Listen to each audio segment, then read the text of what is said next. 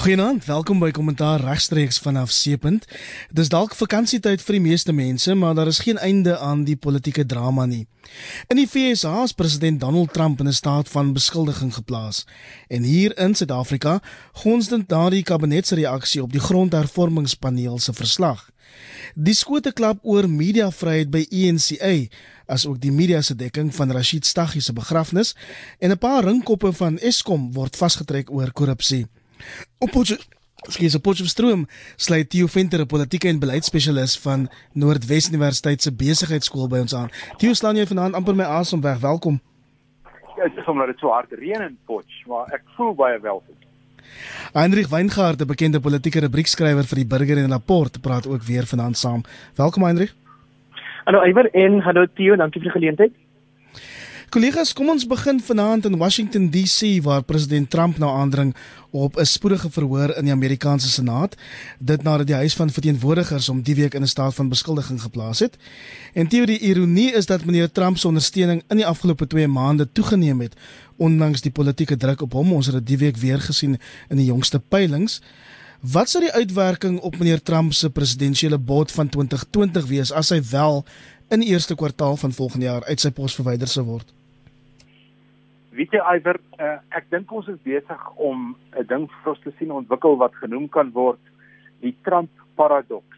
Met ander woorde die teenstrydigheid rondom Donald Trump. Uh, hy is nie alleen die derde president in die geskiedenis van Amerika wat in 'n staat van beskuldiging geplaas word nie, maar hy is die eerste president ooit wat in sy eerste termyn in 'n staat van beskuldiging geplaas word oor oor beskuldigings. Dit is eintlik maar wat 'n staat van beskuldiging is. Beskuldigings wat glad nie krimineel van aard is nie, maar meer dui op die moraliteit van 'n politieke leier, die moraliteit van buitelandse beleid en en dis meer. En jy's heeltemal reg. Dit lyk asof wel die week was eintlik uh, 'n uh, baie interessante week in Amerika. Nie alleen is hy in 'n staat van beskuldiging geplaas nie, maar is ook 'n week waarin daar baie positiewe ontwikkelinge plaasgevind het. Die handelsoorlog met met China lyk of dit in 'n rigting beweeg. Um, sekere ander wette waar op lank gewag is is goedgekeur, maar dis nie teenstaande die die staat van beskuldiging en natuurlik Donald Trump is besig met 'n baie baie omvangryke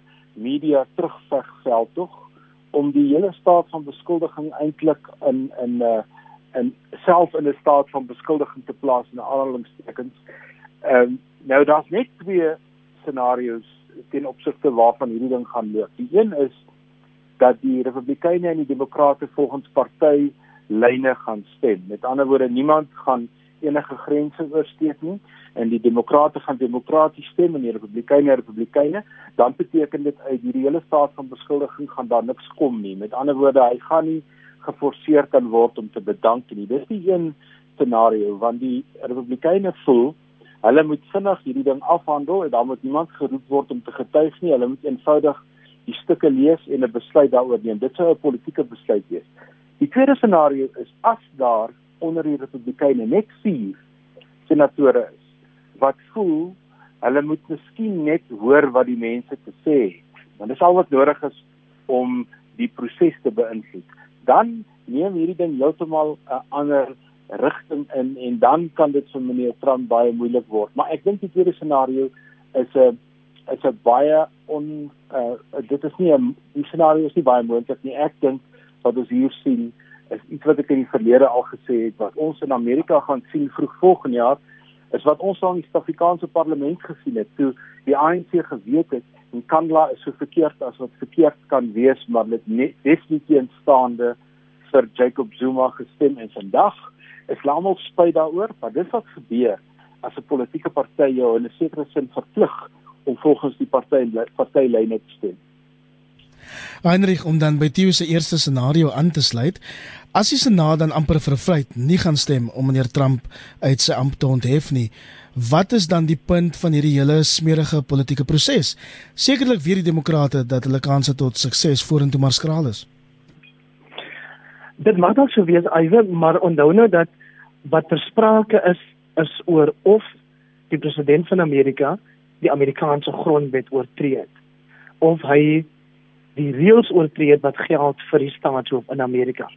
En van wat ons tot nou vertel word en wat ehm um, na vore gekom het in die verhore en dis meer is dat dit beslis daarop dui dat Donald Trump se invloed probeer gebruik het om 'n ander land te dwing om 'n ondersoek te loods na 'n politieke teenstander in ruil daarvoor RSG, dat hy dis die een dis die een skus ai wat nee maar dit is so ehm um, uh, in ruil daarvoor dan nou dat die Oekraïne in die geval ehm um, jy weet wel die beloofde ehm um, steun van Amerika sal kry ehm um, en dit is die dit is waar waarom die spul draai hierso. So die demokrate het eintlik nie ander keuse gehad as om op te tree teen Trump nie. Selfs al het hulle van die begin af gesê dit gaan baie moeilik wees om die proses deur te voer tot waar daar uiteindelik stappe teen hom gedoen kan word. Ehm um, indien hy dan nou wel skuldig bevind word. Oh wel, hulle het nou gestem daarvoor dat hy wel dat hy wel skuldig is aan hierdie oortreding en nou moet daar um, in die volgende deel van hierdie proses mos nou besluit word oor oor op watter manier moet dat teen hom opgetree word. Ehm um, en dit is waar hulle gaan vashak, maar ek dink hulle was op 'n manier verplig om voort te gaan met hierdie aksie. Ehm um, dit sou maklik wees om te kon sê natuurlik sou hulle want hy is nie 'n demokratiese president nie, maar 'n republikein.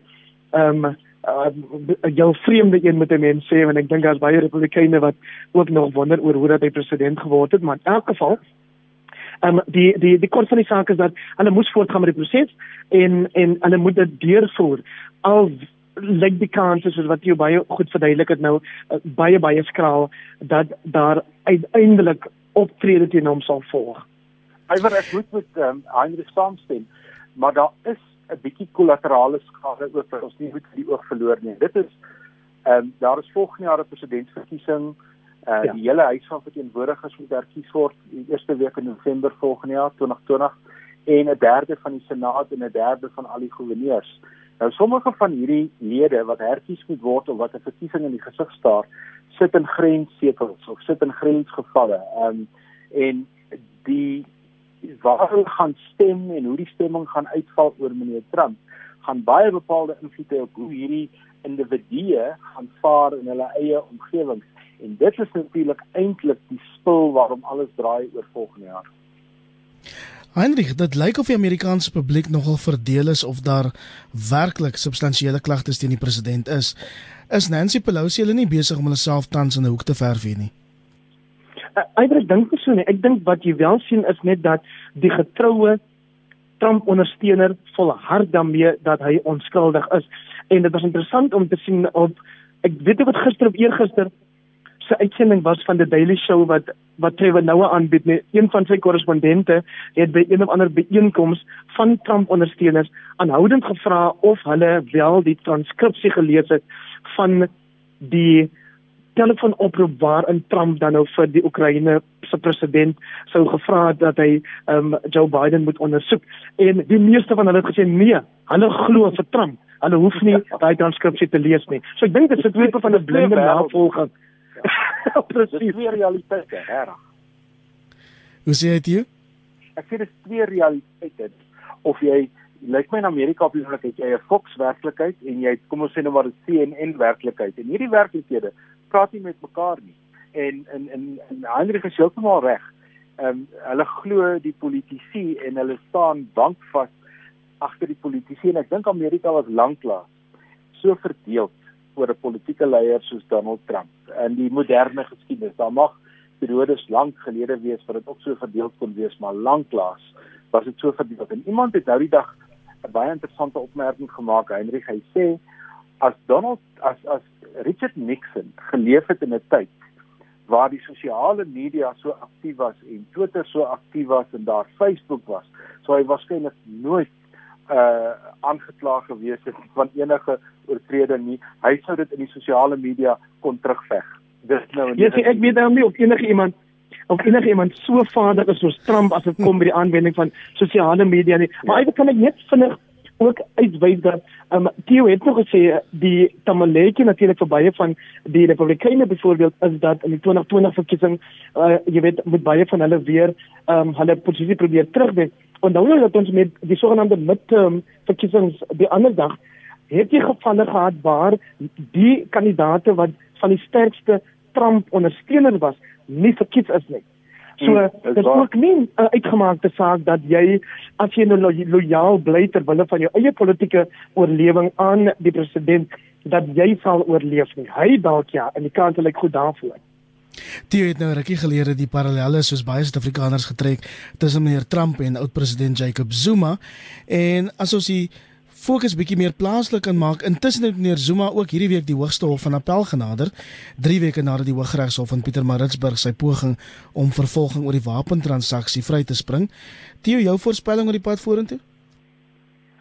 Weet jy, eh, die die regsproses rondom meneer Zuma het het nou 'n sekere projek of 'n sekere profiel begin ontwikkel en dit is wanneer um, sy sake dien, dan maak die die howe seker die regterpresidente in die sneer dat daar 'n stewige regbank is, gewoonlik 'n volbank en en die sneer. En die ouens wat nou ehm um, goed gevestig is in die reg, sal vir jou sê as drie regters wat ons 'n volbank noem, teen jou 'n bevinding maak, is die kanse dat jy op appel ehm um, enige iets anders gaan kry baie baie skraal, maar dit koop tyd en en en en dit koop 'n klomp ander goed. Meneer Zuma kan intussen nog seker word as wat die koerante beweer hy is of wat ook al. Nee, ek dink nie hier gaan veel van kom nie, maar dit voeg nog tyd by die proses en dit frustreer in werklikheid die reg ehm um, vir die volgende 2 of 3 jaar. En dit frustreer Suid-Afrikaners wat eintlik desperaat is om meneer Zuma in die hof te sien, Hendrik. Eier dit is so, maar ons moet kan ek nou maar sê ongelukkig verlief neem daarmee dat hy die grondwetlike reg het om die prosesse uit te put totdat hy nie meer kan nie. So laat hy voortgaan daarmee. Dit is binne sy reg. Jy wil nie hê hy of enige iemand wat van iets beskuldig word moet ooit kan sê dat die proses bevooroordeel was of dat hy nie die geleentheid gegee is om jy weet tot op die vlak van die konstitusionele hof sy saak te stel om hom uit die hof te hou. En dit vergeet nou vir 'n oomblik daarvan dat hy ons laat glo. Hy kan nie wag vir sy dag in die hof nie. Maar dan moet jy ook in ag neem dat gelukkig het ons die situasie vandag dat al meer regters uitsprake lewer waar hulle sê hy sal vir sy eie regskoste verantwoordelik wees. So daarom is ek heel gemaklik met die idee dat hy maar aanhou as hy dink die proses vertraag, die proses frustreer, maar daar is gelukkig die uitsprake wat hom ook daarvoor verantwoording laat doen in terme van die die die ehm um, kostebevele wat teen hom uitgereik word. Ons bly dan by plaaslike nuus hier op kommentaar en die kabinet het 60 van president Ramaphosa se paneel oor grondhervorming en landbou se aanbevelings onderskryf. Met ander woorde, van die paneel se 73 aanbevelings is net 13 nie aanvaar nie. Die minister Tokke die Diza het ons die week verras met die kabinet se terugvoer. Ons het gedink dit gaan eers vir volgende jaar kom. Wat sê die boere en die landboubedryf oor die regering se terugvoer? Vinnig, ehm um, daar's 'n hele paar eh uh, besluite wat die regering nou neem kort voor Kersfees. Ehm um, dit maak uh, reaksietyd natuurlik moeilik en dit maak eh uh, uit om te besin daaroor moeilik, maar dit is natuurlik 'n ander storie. Aanvanklik was daar baie skeptisisme oor die aankondiging dat 'n aantal van die um, bevindinge nie geïmplementeer word nie, maar dit is toe nie genoem wat dit is nie en 'n dag of twee later was die perskonferensie en dit blyk nou dat die meeste van die van die aanbevelings wat nie oorweeg is nie of um, goed is wat reeds in proses is of goed is wat die regering reeds meer besig is of goed wat reeds in 'n sekere staatsdepartement in een of ander gevorderde fase van implementering is. Maar ek dink die die belangrikste hiervan is die feit dat uh, die die Kriek en Serfontein minderheidsverslae is ook in berekening gebring. Ek dink meer as net in berekening gebring omdat hulle 'n ander siening gehad het oor die saak en wat hulle bydra gemaak het was natuurlik om te bewys uh op 'n finansiële grondslag dat grondhervorming is bekostigbaar en die die fondse wat uh, daarin um, benodig word is 'n skrale gedeelte van wat die regering tans spandeer byvoorbeeld op Eskom maar dat dit onmoontlik is. So ehm um, die die jaar sluit dus af ehm um, waar in die regering nou sy aandag gee aan grondhervorming soos wat bewe het en uh, ons gaan waarskynlik baie meer hiervan in die staatsrede sien wat waarskynlik oor 6 weke van nou af gelewer word en met baie meer duidelike rigtings oor wat die regering gaan doen en ook in die begroting kort daarna. As ek dit dan reg opsom, klink dit soos 'n wen vir vir landbou voorlopig. Hendrik, jou indrukke oor die kabinet se terugvoer? Wel, iewers in eerste plek deel ek nie noodwendig die kan ek dit in aanhalingstekens gebruik agterdog oor die tydsberekening met die kabinet se bekendmaking van van van hulle besluite oor uh die verslag. Ek dink almal soek uiteindelik sekerheid. Almal wil hê ons moet by die punt kom waar ons weet dit is dan nou die finale besluit wat in werking gestel moet word en ek glo met die leierskap wat ons tans het in president Ramaphosa sal daar altyd genoeg redelikheid teenwoordig wees. Die president is die die laaste ou wat kan bekostig dat ons land die gevaar loop om ek wil amper sê weer in 'n Zuma staat te ontaard wat die on, die politieke onsekerheid, die ekonomiese onsekerheid aanbetref. Hy weet dit is belangrik dat hierdie proses hanteer word op 'n manier wat die minste skade sal aanrig. En jy weet ek herinner myself daaraan dat ek in Desember 2017 op die aand dat die besluit van daai kommissie by die ANC se nasionale konferensie bekend gemaak is en Ino Godongwana by 'n media konferensie agterna dit um, bekend gemaak het. Jy weet reeds daai aand is daar gesê die besluit is geneem maar met dien verstande of met hierdie ek wil amper sê voorskrif dat dit nie die ekonomie skade moet doen nie grond en ekskuus 'n um, voedselsekerheid in in gedrang moet bring en dies meer nie. Maar net die volgende oggend het ek in daai stoel wat jy vir lank warm gesit het, um, lang het ek gesit in in met met Omri van Sail van Agri SA gepraat en hy het reeds daai oggend het hy um, ons wat glo dat ons 'n Zimbabwe situasie op hande het wat grondhervorming aanbetref en dit was vir my jammer die afgelope week om 'n soortgelyke sentiment aan die vraagstelling um van 'n ander gespreksprogram op RSG te hoor dat ons nog steeds hierdie sogenaamde um Zimbabwe wat uh um wat uh Jan Jan Jubber genoem het pampoen spook um telkens hoor. Ek wens ons kan daar verbykom en liewer sê um ek dink by lande is daar bereidwilligheid. Dit weet ons en dit sien ons ook om te ja dat ons by 'n oplossing kom wat die land vorentoe gaan neem. Dit help nie om nou meer in die karre te skop oor die belangrikheid, die noodsaaklikheid van grondhervorming nie. Die wil jy daarop reageer? Nee, ek is ook ek is ook positief en ek dink ook ehm um, dit wat Andries nou gesê het, het natuurlik baie te doen met hoe jy kyk na die probleem waarna jy kyk. As jy byvoorbeeld na landbou kyk en jy is in die drooggetuisterde dele van die land, dan kyk jy natuurlik anders daarna. As jy in Mpumalanga is op die oomblik kan daar nie 'n beter draaiboek wees vir hoe dinge daar lyk nie met al die reën wat hulle het, jy het op tyd geplant het en die sneeu is totaal 'n ander prentjie. En as jy na die president se rol kyk, um, ek weet almal neem hom kwaadlik, maar dit 'n kabinet met ek soveel uit mense wat vir hom dinge tot uitvoer moet bring. En as jy nou na plaaslike owerheid dan is ek in Suid-Afrika waar ons nou sit, ver meer bekommerd oor plaaslike owerhede en die oorlewing van plaaslike owerhede as wat ek oor landbou is.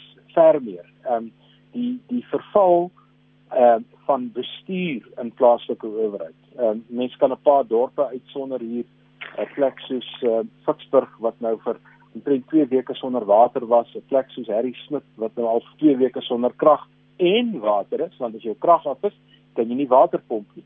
Sulke goed bekommer my op die oomblik baie meer as die stand van landbou. En van grondkwessies tot mediavryheid. 'n Harry het by die ANC e nuuskanaal losgebars nadat 'n politieke joernalis, Samkele Maseko, beweringe oor redaksionele inmenging gemaak het. Die kanaal se nuushoof, Kanten Pelay, het ook na druk op sosiale media hierdie week die kanaal verlaat. Hendrik, miskien moet jy die gesprek met bietjie agtergrond inlei terwyl hulle van mense wat nie so lekker op hoogte van sake is nie. Ja, eider in eerste plek is dit natuurlik altyd ongemaklik vir die van ons wat in die media werk, soos ek en jouself, om te praat oor wat binne 'n ander media organisasie aan die gang is, maar ek dink ter wille van ehm um, deursigtigheid is dit wel nodig om dit te doen. So in die geval van wat ons weet, het Samkelo Maseko, 'n politieke joernalis, bedank by ENCA. En die toe nog hoof van Nietskanten Pillay het blykbaar daar aangedring dat hy onmiddellik dan nou so bekend onmiddellik die gebou moet verlaat. Almal van julle ken jy. Ek is jammer ek. Ek hoor jou maar reageer nie. Roep roep asseblief vir Theo Venter tot orde. Ons is nie van dieselfde te lag hier oor nie. Ehm Maar goed, dit is dit is blykbaar die agtergrond. Wat het daarmee saam gebeur? Natuurlik het die sogenaamde Black Twitter toe sonder dat hulle veel weet van die agtergrond onmiddellik tot die ehm um, verdediging gekom van Samkelo Maseko en daarbey ingesluit natuurlik is die EFF wat onmiddellik um die sogenaamde black child dan nou um moes verdedig daarso teen die jy weet die die sogenaamde Indian cabal en die rasisme van 'n organisasie soos ANC ons weet daar was nog nooit um 'n goeie verhouding tussen ANC en die EFF nie um so ek steur my nie te veel aan die behalwe dat hulle dit reg gekry het om op sosiale media 'n klomp ander mense op loop te neem en 'n veldtog te begin teen ENCA wat selfs gelei het daartoe dat Twitter ENCA se rekening gesluit het. Daarin lê die gevaar. So, wat gebeur toe intussen? Samkelo Maseko vind dit ook gepas om natuurlik sy lot te bekla op sosiale media en dan nog vir ons te vertel van hoe dit eintlik daar binne die organisasie gaan sonder dat hy hom op daai oomblik gestuur het aan die wat nou nou agtergebly het en in 'n uh, oomblik van ek dink wat net as dit nie asprusheid is dit dom asprusheid soos die mense sê ek ken dit pile 'n tweet uitgestuur wat gesê het nou, ons ken almal die uitdrukking van red jumping a sinking ship hy het hom verander na dat jy hier 'n geval het sonder om Samkelo se naam te noem, hy wel die hitsmerk gebruik. Het hy gesê 'n geval van 'n rot wat in 'n vertaling nou maar vrylik 'n rot wat spring na 'n sinkende skip synde dan nou die FIK. Dit is toe verdraai in dat hy na Samkelo sou verwys het as 'n rot en dat hy nie soos wat ek aanvaar het 'n 'n 'n bekende uitdrukking gebruik het in die Engelse taal wat wel 'n ongelukkige dink ek ding was vir hom om te doen nie. En uiteindelik het dit gelei daartoe dat ehm um, een sy eie gesê hulle gaan 'n ondersoek begin en hulle het om verskoning gevra daaroor en hy het uiteindelik dan nou ehm um, bedank. So dit is die agtergrond maar eintlik kan ek baie vinnig net sê, weet jy wat is die heel eerste ding wat by my opgekom het toe hierdie storie nou rigbaar raak. Dit is dat ons glad nie hierdie soort reaksie gesien het toe dieselfde moedermaatskappy e-media die ander dag besluit het op 'n woensdag hulle sê vir die redaksiespan van nuusdag wat op die ehm um, wat op een van hierdie gratis ehm um, kanale uitgesaai is en waarvan 'n goeie vriend van my Egbert Boesak redakteur was dat hulle daai woensdag daai program staak en dat almal teen die Vrydag nie meer sal sal werk in in hulle vorige rolle nie. So daar word nou maniere bedink om van die mense te akkommodeer en van die ander nuus kantore onder die ENC eie ehm um, uh een nuus um, sambreel. Maar maar maar jy weet ons moet ook so reageer wanneer dit nie swart joernaliste is wat geraak word nie maar ook Afrikaanse en spesifiek dan Afrikaans in sy volheid wit en bruin en swart joernaliste wat hulle werk op die manier verloor Ek stem met jou nee, saam en ons moet ook baie versigtig wees met hierdie ja. ehm ja. um, manier van wat ons het op op Twitter veral op sosiale media om alles in 'n rasse hierdie te te ontaard. Maar um, vir my was die eerste ja. van die hele ding. Hoe stel 'n kanaal soos ENCA 'n man aan wat in die verkiesing paar maande gelede sy eie politieke party gehad, die sogenaamde Perskoei party. Ja. Hoe stel hulle hom aan as 'n nuusredakteur? Dit gaan ja. my verstand te bowe. Ek ek weet almal van ons het op een of ander manier 'n politieke vooroordeel en jy het miskien 'n private mening oor wie jy ondersteun en wat ook al. Maar die oomblik wat jy in die openbaar aan 'n politieke party verbonde is, deelgeneem het en so meer, dan is jou objektiviteit wat my aanbetref nog verder onder verdenking. So selfs sy aanstelling was vir my nou nogal iets wat my oë laat reg het. So so wil vinnig om ja. daarby vinnig daarby aan te sluit. Ehm um, ek het nou nou ehm um, um, gepraat van hoe bekend hierdie verhaal um, vir ons kan klink Samkelo se verhaal. Um, maar dit klink ewe bekend wanneer wanneer Theo daai um, vraag vra oor oor die aanstelling. En en jy weet, ek weet nie wat se Afrikaans is, maar jy weet in in die SAK geval waarvan um, ene Iwer Price ook ehm um, 'n deel gevorm het, was daar die hele kwessie oor die sogenaamde enforcers. Ja. En en die ander parallel wat 'n mens tussen die die twee kan trek is die beskuldigings van politieke inmenging soos wat destyds by by die SAIK die geval was. Yes. En ek verneem dit gaan nou ondersoek word Hendrik by ENCI. Wel, dit is 'n baie goeie besluit en ek is ek het die vermoede dat selfs iemand soos Jeremy Max, vir wie ek reken die meeste van ons wat ehm um, uh, in die nuus belangstel, groot respek het vir die werk wat hy oor dekades heen doen, dit dis dalk ehm um, ehm um, ook jy weet waar hy sekere vrae sal moet beantwoord as as een van die senior mense daar en en 'n mens word allerlei stories waaroor ek nou nie so uitbrei nie. Ehm um, oor wat daar agter die skerms gebeur het. Was ook vir my opvallend geweest dat ehm um, Jeremy Max glad nie op kamera verskyn het hmm. toe daar verskoning gevra is nie. Maar ewer dan wat jy nou vind, is vir my 'n byna kan ek maar sê belaglikheid of 'n uh, of 'n 'n grootheidswaan by sommige van ons uh, journalistieke kollegas en dit is dat elke ou wat nou lekker met voor die kamera verskyn wanneer hy of sy hulle program begin hierdie verklaring doen oor hoe belangrik onafhanklikheid vir hulle is asof dit nou weer na die ander kant toe oorjaal waar jy vergeet wat is jou rol as joernalis dat jy altyd moet probeer om gebalanseerd te bly. Selfs al het jy soos jy ook gesê het wanneer jy by die huis kom en met jou pelle is jou eie persoonlike politieke standpunte of menings oor goed maar jy steeds daar om die nuus aan te bied ja, vir ja. die van ons wat kyk. En en dan verwag ons van jou om dit op 'n gebalanseerde manier te doen en om jou eie belang by die huis te los Ek hoop dat dit sal lei tot 'n nuwe fase in die journalistiek waar ehm um, individue, joernaliste nie groter as die nuus self sal word nie. En dis al hoe moeiliker in die tyd van sosiale media waar ons gereeld sien hoe, hoe joernaliste allerlei uitsprake maak um, oor die nuus wat hulle dek en en en oor mense ensovoorts. Intussen is daar die, die naweek ook ewige ontsteltenis op sosiale media na veral ENCA se besluit om die begrafnisdiens van die bendebaas Rashid Staghi te dek. Baie reken reken dat dit op heldeverering neerkom en ek wil nou net met jou Heinrich oor jou koeranstuk daaroor praat. Maar kom ons fokus gou verder op die op die media kwessie. Theo ja nou jou mening het ENCA en en selfs ander media wat dit gedek het gefouteer deur meneer Staggie se begrafnis op 'n amper dramatiese wyse regstreeks te dek.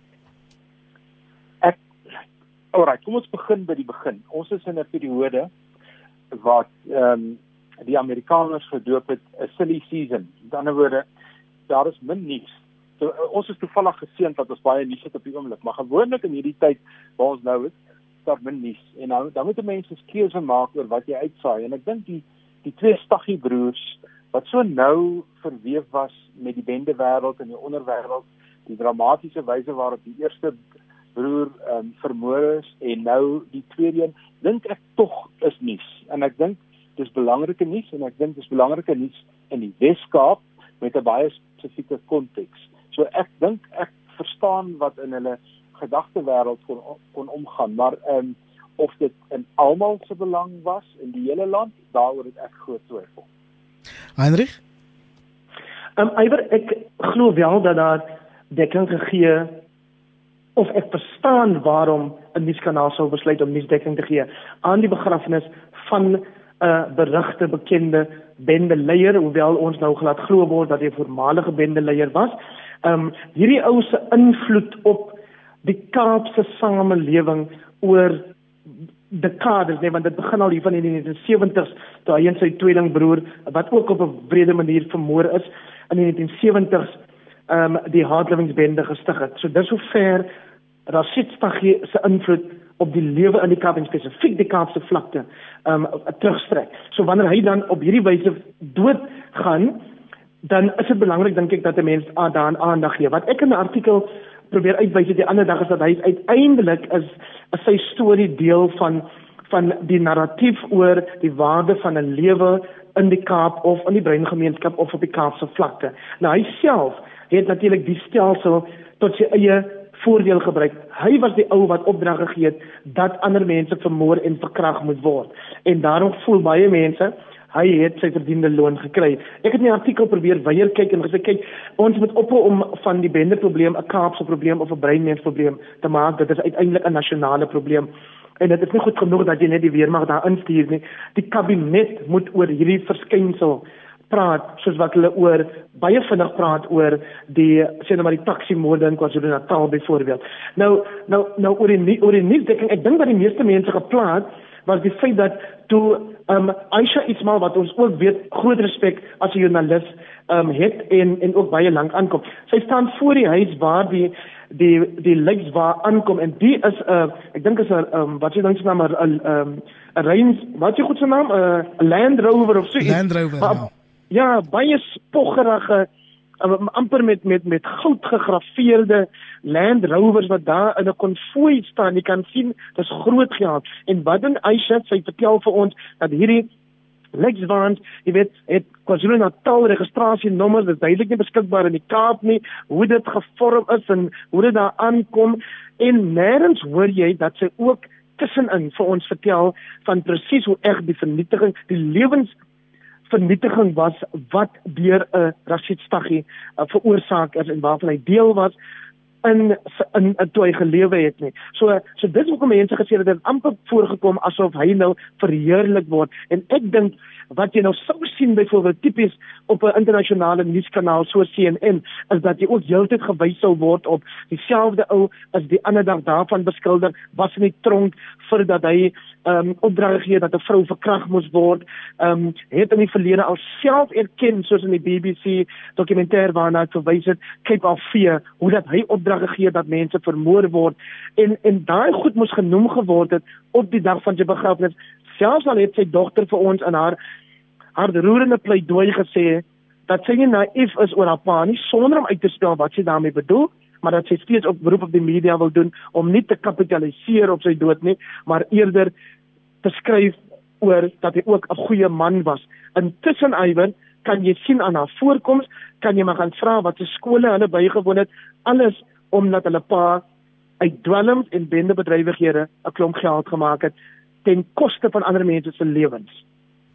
Die ander kant van die muntstuk waarna ek nou net dink is hoe ver die SAIK gekom het om sy geloofwaardigheid in die laaste paar jaar te herstel. Ehm um, julle sal onthou dat ENCA altyd ehm um, deur die publiek en en selfs die media uitgebeeld is as hierdie toonbeeld van van journalistieke uitnemendheid. Deesdae is hulle ook die fokuspunt van van baie kritiek en die het die teenoorgestelde ehm um, ek weet nie of jy daarop wil reageer net hier voor ons aanbeweeg. Ja, dit het ook gegaan oor ehm um, wat die vorige naweek gebeur het met die EFF se konferensie. Wie het dit gebeeldsend en wie het nie? En, en ek dink 'n mens moet daarom ook 'n bietjie die perspektief op net bring. Ek dink nie meer die SAIK kan die kwaliteit van van nuus dra wat hy 10, 15, 20 jaar gelede gedra het bloot op grond van sy begroting. Die die SAIK is soos die SAL teen die teen die planke. Hy's finansiëel in teen die grond en die oomblik wat julle weet self omdat ek al met julle altyd saam by verkiesings en by verkiesingsverwante goed was watter hoeveelheid geld dit kos om 'n buiteeenheid daar te hê en die infrastruktuur en hoe moeilik dit in die laaste 2 of 3 verkiesings was om net daai kwaliteit van uitsending te kon handhaaf. So ek dink die SAK sukkel 'n bietjie met met daai probleem en het beslis 'n ander oordeel hieroor gevel en ons moet onthou dat die SAK bly die nasionale uitsender, die staatsuitsaaier, die uh afskaduwing van wat die BBC eintlik gedink het ons moet wees, maar ek dink nie daarmee twyfel wees nie, daar is nog steeds politieke invloed op die SAK en hy sal sekere goed doen en sekere goed nie doen nie. Iwer in een sin erkenning dink ek moet gegee word en daar is kollegas by die SAK wat dit elke dag vir 'n mens sê aan Patiswa Magopeni wat die nuwe groephoof vir nuus en aktuelle sake is. En die ironie natuurlik is dat sy voorheen by ENCA gewerk het. Ja. So ek dink ek dink dit is goed dat jy daai kundigheid nou daar by SABC het. Iemand wat nuus ernstig opneem en nie agendas dryf soos wat hmm. jy baie goed weet die ehm um, organiese ek um, wat dit um, die organiese die organic akomedik Ja, wie is dit? Voor ons begin groet, kom ons praat gou oor die opspraakwekkende inhegtenisneming van verskeie voormalige Eskom basse hierdie week. Dit weens honderde miljoene rande wat by die elektrisiteitsverskaffer gesteel is. En Theo, dis sekerlik musiek in die ore van van soveel Suid-Afrikaners was wat keelvol is vir korrupsie en keelvol is vir beerdkrag ja, iemand het die afgelope week vir my gesê ons moet 'n nuwe ons moet 'n nuwe hashtag begin op op Twitter en dit is uh, it is happening. Iets soos dit. uh en waar mense lys begin maak van goed wat stadig maar seker op verskillende plekke besig is om te gebeur want niemand in Suid-Afrika sover ek weet hou rekord daarvan van wie is nou al ons aangekla en na wie is daar ondersoeke aan die gang en dis meer nie. Dis waarom dit so moeilik is om 'n oorwoe prentjie te skep maar ons het uh, die um, vier ouens wat nou aangekla is ehm um, het ons natuurlik in die verlede al gelees uh, Pieter en um, Louis Meiberg het al daaroor geskryf en Amma Bongane het daaroor geskryf uiteindelik is daar nou besig om te gebeur. En die skokkende is dat in 'n kragsentrale Kusile waar daar geweldige koste um, probleme was 750 miljoen rand is die bewering op die oomblik is van die geld wat verdwyn het uit die stelsel uit. Nou as hierdie een geval is, dan kan 'n mens verstaan hoe Eskom vandag sit met 450 miljard rand se skuld want die die geld is geïrodeer en groot organisasies het saamgespeel. So ek is ek is ek is bly dit het gebeur en ek is daarmee saam bly dat die regering met die met die uh, beerdkrag wat ons so skielik gekry het in die laaste week of twee ook erns gemaak het oor die bestuur van Eskom en hoe dit um, gedoen moet word tot die mate dat um, die nuwe hoofuitvoerende beampte sommer al op Kersdag gaan begin werk en nie eers aan die einde van Januarie. Ja, Eskom se nuwe ridder op die wit perd is Andre de Ruyter en hy gaan nou op Kersdag hierdie week um, diens aanvaar. Ek is nie seker wat hy gaan doen op Kersdag nie. Het jy hoop dat hy dinge sal kan omdraai, Hendrik?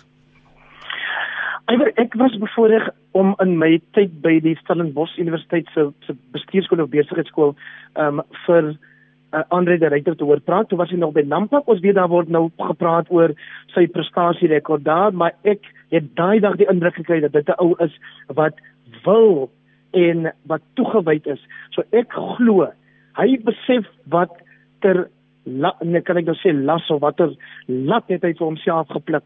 So 'n mens, 'n mens, 'n mens wil glo dat hy 'n verskil gaan maak en ek ek glo ook nie hy sou aangestel geword het as Ramaphosa en ander belangrike politici soos uh, Pravin Gordhan nie oortuig was dat hy 'n verskil kan maak nie. So ek dink ons moet hom 'n kans gee om nou sy werk te doen en dit is goed om te hoor dat hy um, sommer nou woensdag al gaan begin um, met hy werk en dan wil ek in daai selfde gees iwer sê dat ek glo hierdie vervolgings wat ons nou vertel word vroeg in die nuwe jaar uh, vroeë Kersgeskenk vir president Ramaphosa as wanneer ek herinner myself daaraan jy sê dit ook onthou jy dat hy by 'n byeenkoms van die Economist in in Oktober iewers het hy gesê op 'n onderhoud met hulle het hy gesê hy verstaan mense se frustrasie maar hulle moet weet dat daar gaan vervolgings kom vroeg ja. in die nuwe jaar so dit lyk my daai datum is selfs vroeg dat ons nou al ge, ge, gesê word daarvan.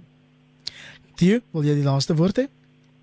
Ja, ek dink dit is baie belangrik dat dit moet gebeur. Dit is die soort ehm um, dis die druk wat daar op president Ramaphosa op die oomblik is van mense wat sê van jy praat die hele tyd, jy praat die hele tyd, maar wys vir ons jy kan iets doen. En as 'n mens nou na die NPA kyk en die aanstellings daar, dan sal 'n mens 'n saak net of vat as hy ryp is daarvoor as jy behoorlik jou navorsing gedoen het en as jy weet dit is 'n wenbare saak. As jy dit nie doen nie, dan gaan jy pak slaag kry in die howe want hmm. hierdie ouens wat die geld gesteel het, het self nog 'n bietjie geld oor en hulle kan die beste regslei bekostig om hulle self te verdedig. So jy moet 'n goeie kans hê en ek dink nie die regering kan bekostig om een van hierdie groot sake te verloor nie. Hy kan eenvoudig nie bekostig nie. Hy sukkel al reeds met die vorige staatshoof wat ons nou al vir 12, 15 jaar aan die gang hou hy kan nie nog so iets bekostig nie. Nou ja, dit bring ons aan die einde van finansiële kommentaar op RSG. Baie dankie.